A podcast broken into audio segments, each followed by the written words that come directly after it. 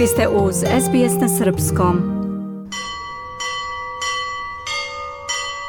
Više od 200 miliona pravoslavnih hrišćana širom sveta obeležilo je Božić u nedelju 7. januara.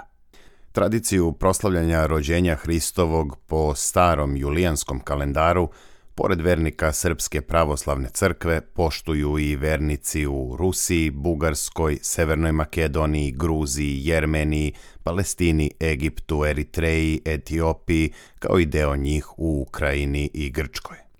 U Srbiji se po tradiciji najveći broj vernika okupio ispred hrama Svetog Save na Vračaru, gde je liturgiju služio vikarni episkop Remezijanski Stefan u sasluženje sveštenstva beogradskih hramova. Patrijarh srpski Porfirije je na božićno jutro služio svetu arhijerejsku liturgiju u sedištu Srpske pravoslavne crkve u Pećkoj patrijaršiji. U Rusiji se najveći broj vernika okupio ispred hrama Hrista Spasitelja u Moskvi u kojem se od sredine prošle godine nalazi čuvena ikona Svete Trojice koju je u 15. veku naslikao Andrej Rubljov, jedan od najpoznatijih ruskih ikonopisaca. Ova ikona koja se smatra za remek delo ruskog ikonopisa nalazila se od 1929. godine u Tretjakovskoj galeriji u Sankt Peterburgu, gde je prebačena odlukom tadašnjih vlasti posle oktobarske revolucije. Za razliku od Moskve i drugih gradova, božićne svečanosti otkazane su zbog bezbednosti u Belgorodu, ruskom gradu koji se nalazi nedaleko od granice s Ukrajinom. Belgorod se našao na udaru ukrajinskih vazdušnih napada u kojima je 30. decembra poginulo 25 ljudi. Zbog rata koji traje već skoro dve godine, Najviše molitvi u Rusiji upućeno je za mir. Važno, učin važno moliti se za našu Rusiju. Moskovljanka Tatjana kaže da je veoma važno moliti se za Rusiju i za mir. Želim mirno nebo iznad nas, rekla je ona. Ruski predsjednik Vladimir Putin sastao se za Božić u svojoj rezidenciji u Novoogarevu u blizini Moskve s porodicama vojnih lica poginulih tokom rata u Ukrajini.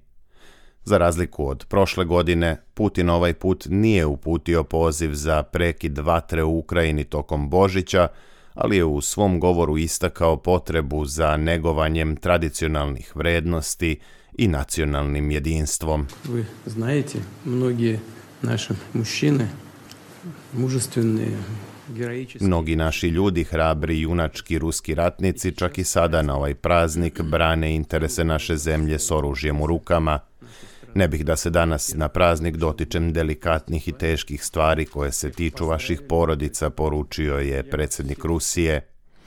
Za to vreme u Ukrajini Božić je po prvi put zvanično obeležen 25. decembra. Ova promena je usledila ukazom predsednika države Vladimira Zelenskog, donetog u julu prošle godine – međutim ne samo u delovima zemlje koji se nalaze pod ruskom kontrolom, već i u mnogim drugim gradovima i oblastima, stanovništvo je odlučilo da poštuje tradiciju i Božić su proslavili kao i do sada 7. januara. 37-godišnji IT stručnjak Andri Korhut kaže da poštuje uobičajene božićne tradicije svoje porodice. Перемоги, звісно, перемоги Ukrajine. Andri je poželeo da u novoj godini Ukrajina pobedi u ratu i da nastupi mir, kako bi ljudi mogli da u smirenju nastave da žive i stvaraju. U Australiji pripadnici ukrajinske zajednice okupili su se u Sidneju u parohiji pokrova Presvete Bogorodice, koja je deo Ukrajinske pravoslavne crkve. Protojerej Mihajl Smolinec rekao je za SBS da se ljudi prilagođavaju promeni datuma na različite načine, On je istakao da je važno osjećanje koje donosi sveti dan Božić. We don't celebrate a day, we celebrate an event.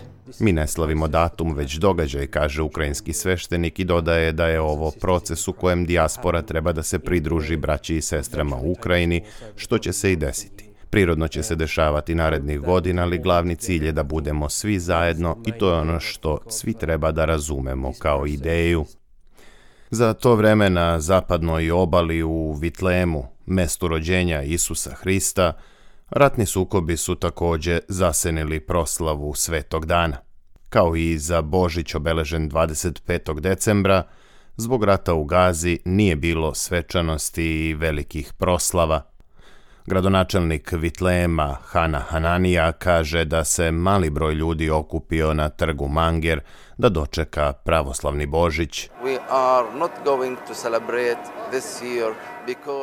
Nećemo slaviti ove godine zbog agresije na naš narod u pojasu Gaze, a možemo je opisati kao etničko čišćenje i kao genocid.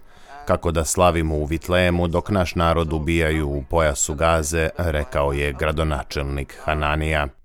Rat u Gazi je proteklih meseci naterao mnoge palestince da krenu prema Egiptu. Za Božić egipatski predsjednik Abdul Fatah al-Sisi pridružio se pravoslavnim koptima koji su prisustvovali liturgiji u katedrali rođenja Hristovog nedaleko od Kaira.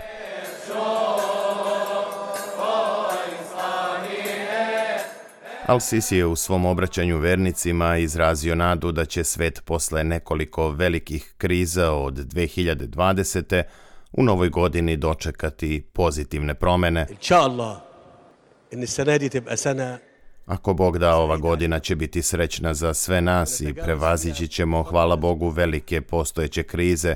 Tražimo barem prekid vatre i ulazak humanitarne pomoći kako bismo rasteretili našu braću i narod u Gazi. Nakon toga će, nadam se, doći i do rešenja ovog pitanja koje se iznova otvara svakih nekoliko godina i svima nam nanosi bol, kazao je egipatski predsednik, a zabeležila je Hana Kvon za SBS News.